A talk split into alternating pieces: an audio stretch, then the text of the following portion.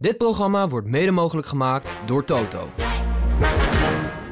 Spektakel werd er verwacht en spektakel kwam er. Wout van Aert, die kon niet meegaan in de kopgroep. Mathieu van der Poel wel, maar die laatste klim die was er te lastig aan. Dat gold niet voor Ion Izagirre, want hij won de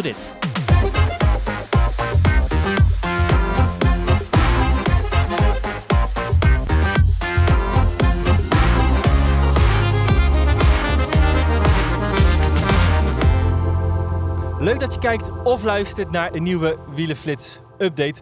Naast uh, Jury en ikzelf vandaag ook Raymond, welkom. Ja, je hebt gelijk een uh, leuke rit uitgekozen om uh, de Tour aan te haken. Ja, de Beaujolais-streek, een hele mooie streek, net boven Lyon.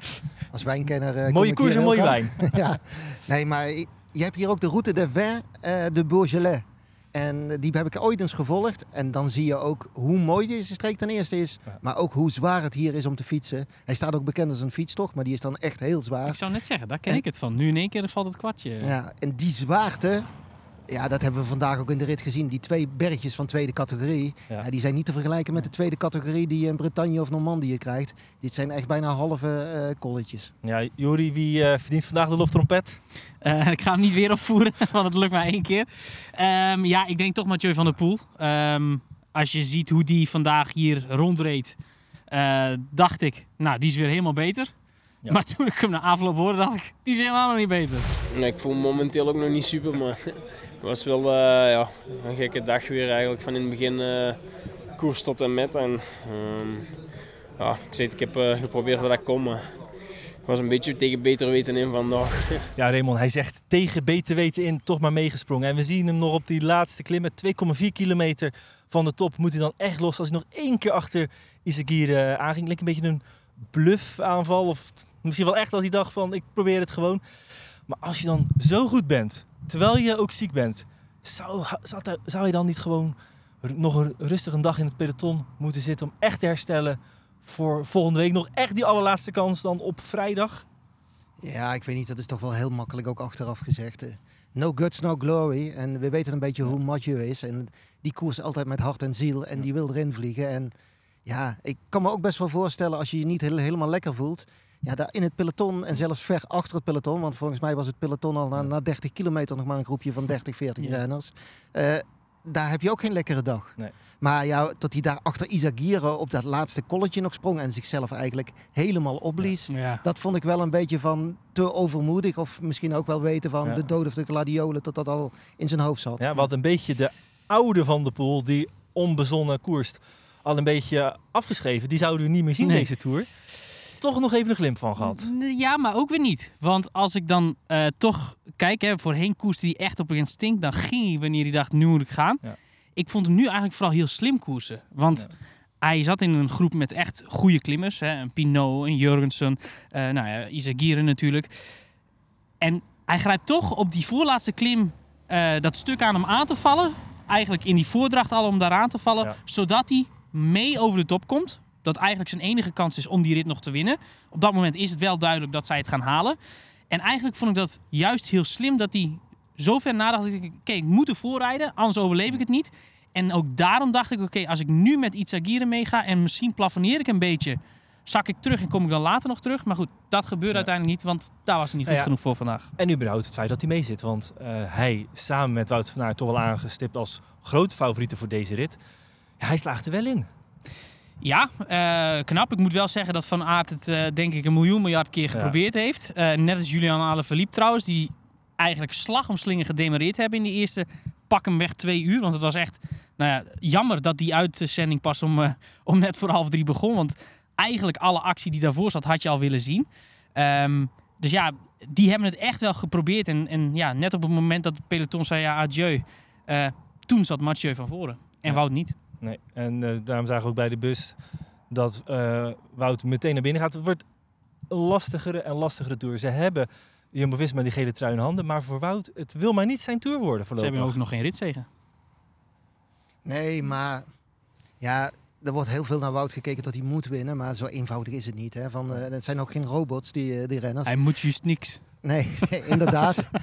maar ja, kijk, in principe was die twee ritten al het beste. Hè? En die heeft hij niet gewonnen. Met de, de eerste die eh, rit in San Sebastian.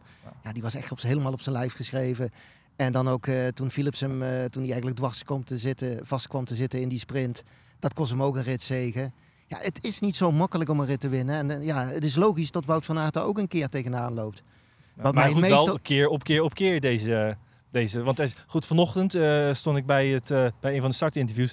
En zegt ook van ja, eh, werd me ook gezegd, een rit voor jou. En reposteert hij heel terecht. Ja, dat zeggen jullie iedere dag. En zo is het natuurlijk ook bijna wel. Er zijn maar heel weinig ritten deze Ja, Tour. Misschien moet Wout ook een beetje gaan leren van Mathieu van der Poel. Die Ja. na de Giro van vorig jaar ook snapte van ja, in sommige ritten moet je niet volledig erin springen. Ja, en hij zit toch altijd ook nog met die dubbeltaak. Hè, Dat waar is hem, ja. België natuurlijk, eh, alle Vlaamse media elke keer naar wijzen. Hij moet volledig tot het uiterste gaan in die bergritten. eh, om eh Vingegaard in een goede positie te loodsen. Ja, en dan die andere ritten moet hij ook alweer voor zichzelf gaan. Dus het is dubbel op. Ja. Eh, het is geen makkelijke taak voor hem. Plus wat, wat Van der Poel in die zin ook nog voor heeft. Hè. Die, die heeft niet die dubbeltaak die Van Aert heeft. Ehm, ik sprak vanmorgen nog heel even met vader Adrie. Zei ja goed, het zou heel mooi zijn als, als Mathieu nog één keer of een rit kan winnen... of mee kan gaan in een goede eh, vlucht. Ja, en daarvoor was misschien vandaag wel eh, in ieder geval de ene laatste kans... maar misschien wel de laatste kans.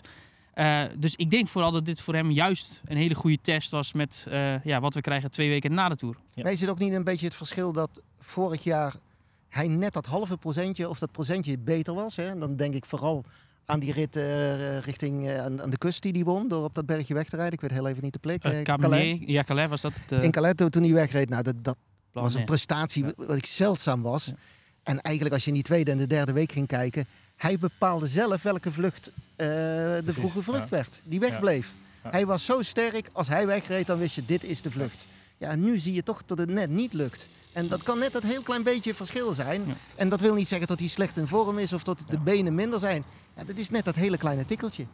De hele ploeg had vandaag een eh, prominente rol in de etappe. Als we gaan kijken naar eh, de strategie van eh, de rit. Het was vanaf het eerste moment al chaos, slag om slinger, gedemoreerd, zei al net Jury.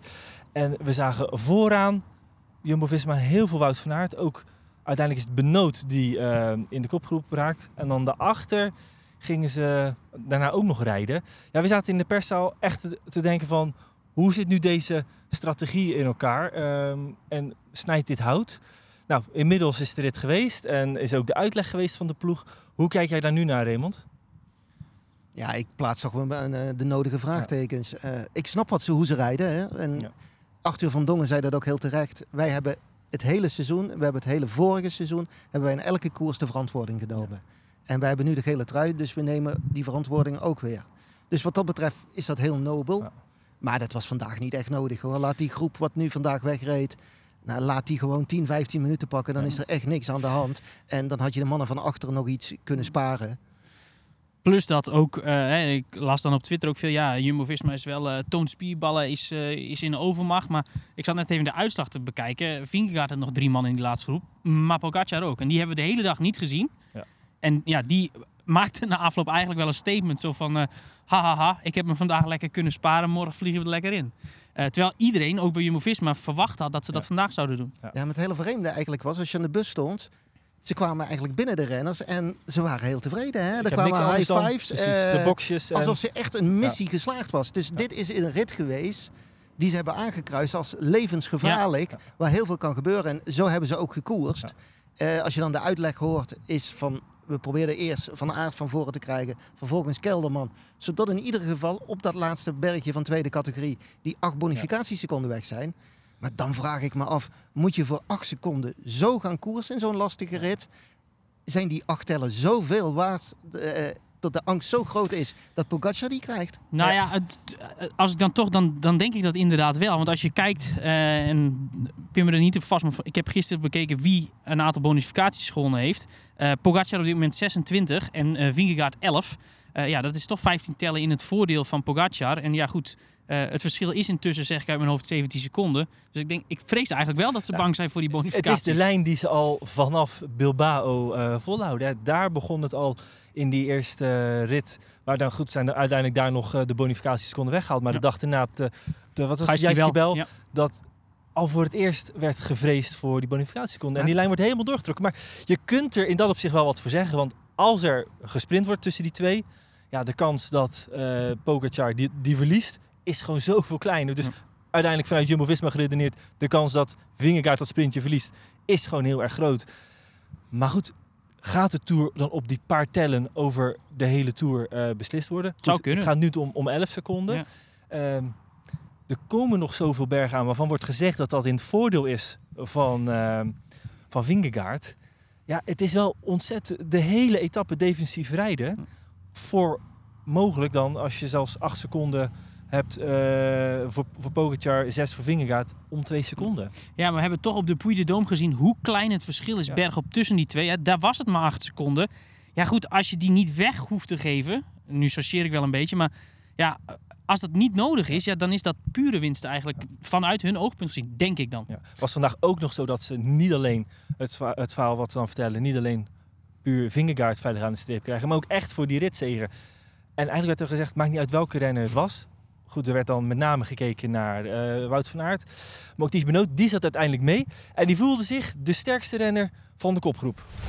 Ik wist dat het heel moeilijk ging zijn, maar ik voelde wel de benen die ik had. En dat was niet, eh, niet zo slecht. Natuurlijk heeft nog lange tijd. eh is peloton zeer dicht gebleven met, met H. die. Dus dan dacht ik wel van oké, ze komen wel terug om over de laatste zien te raken. Maar op het moment dat we dan terug drie, vier minuten namen, dan wist ik dat het voor de rit was. En dan ja, dus een beetje geluk hebben. Ja, bij Jumbo-Visma spreken ze dan over een zeer geslaagde dag. Maar is dan tactisch vandaag ook alles goed gegaan, Raymond? Ja, die, het is moeilijk om daarop op te antwoorden. Ik heb in mijn achterhoofd toch nog altijd Sepp Koes als de tweede man staan. Niet alleen maar als de man die op kop zit te rijden voor eh, Jonas Vingegaard. Maar ja, gebruik hem misschien ook in een ontsnapping. Ja, als ik Arthur van Dongen hoor, die zegt van ja, hij krijgt absoluut geen ruimte. En vandaag was zelfs een moment dat hij door pech even achterop kwam. Ja, toen heeft ook niemand op hem gewacht en zijn ze van voren juist vol blijven doorrijden.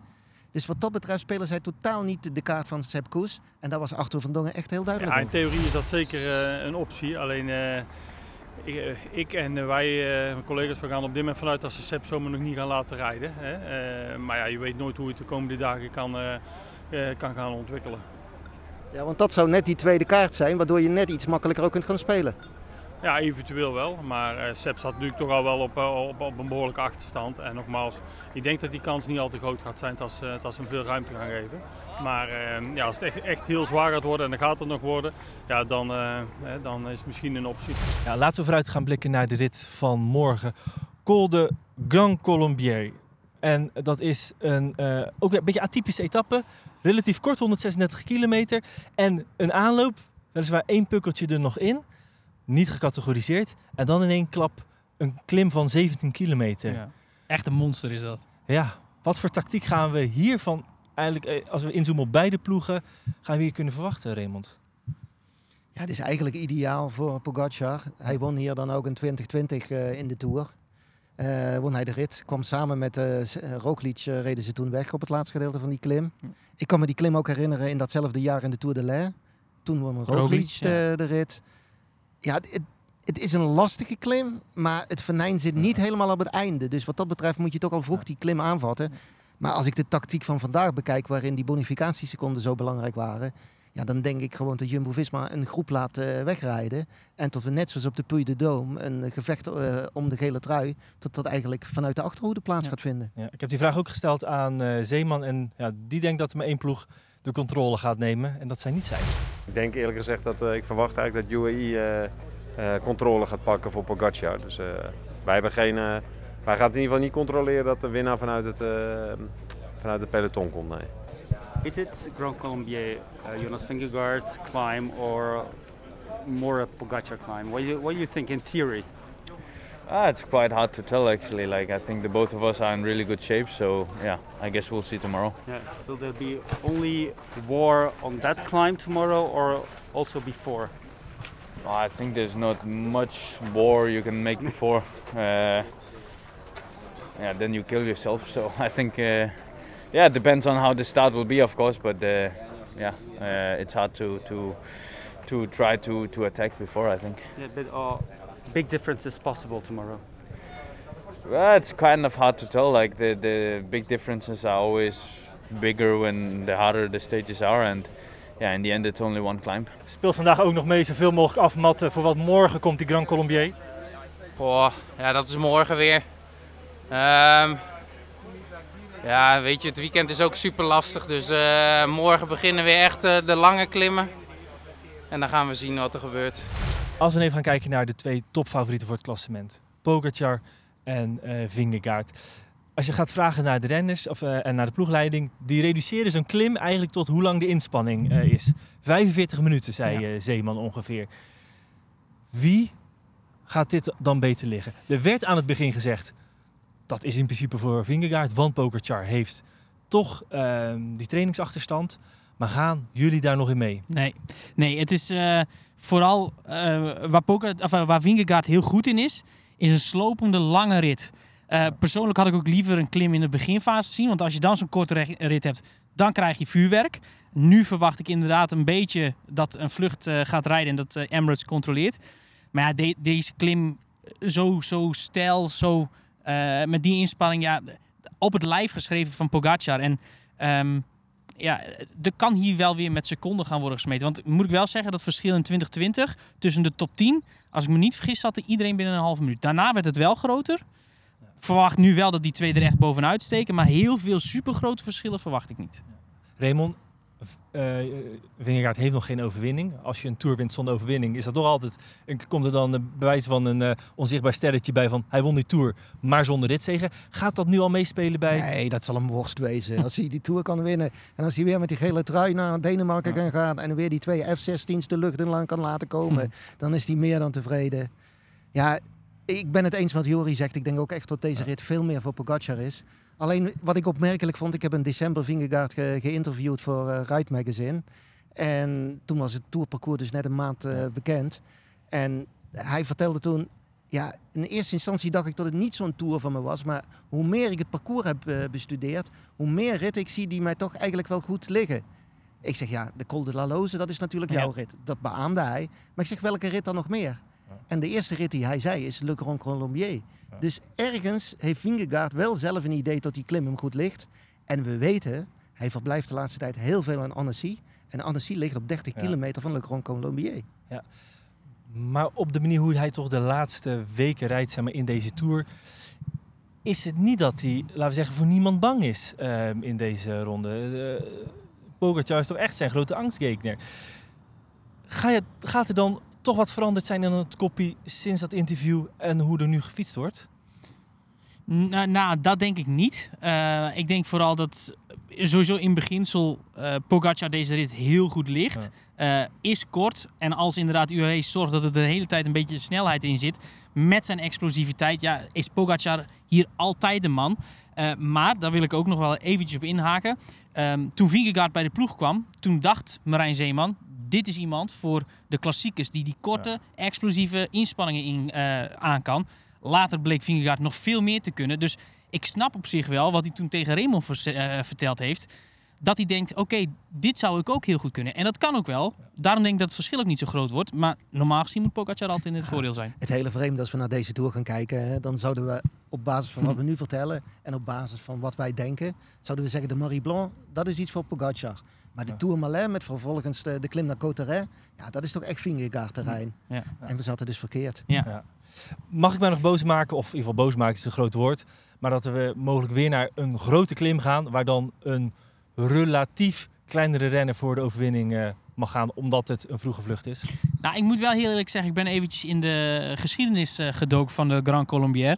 Ehm, ik denk zeven aankomsten in de historie. En eigenlijk op één naam die ik niet goed kende, kon ik ze allemaal. Dus er wint hier eigenlijk best wel altijd een grote naam. Het was hoopgevend voor mij vanmorgen. Nou ja, goed, er zijn wel... eh, hè, als ik Sergei Zukuruchenkov zeg, dan zeg jij misschien wie? Nou, dat is de recordhouder in de Ronde van de Toekomst, daarom weet ik dat. Eh, en de laatste winnaar was ook in de Ronde van de Toekomst Tobias Haaland Johannessen, die vandaag ook mee zat.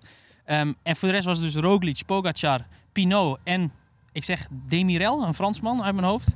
Ehm, de, waarvan de enige was vast dat ik dacht van, geen idee. Dus wat dat betreft vermoed ik dat we morgen gewoon een mooie winnaar krijgen. Hoopgevende woorden in ieder geval voor mij. Dit is eh, de Wielenflits Update voor vandaag. Morgen zijn we er weer. Dank voor het kijken en dank voor het luisteren. Dit programma werd mede mogelijk gemaakt door Toto.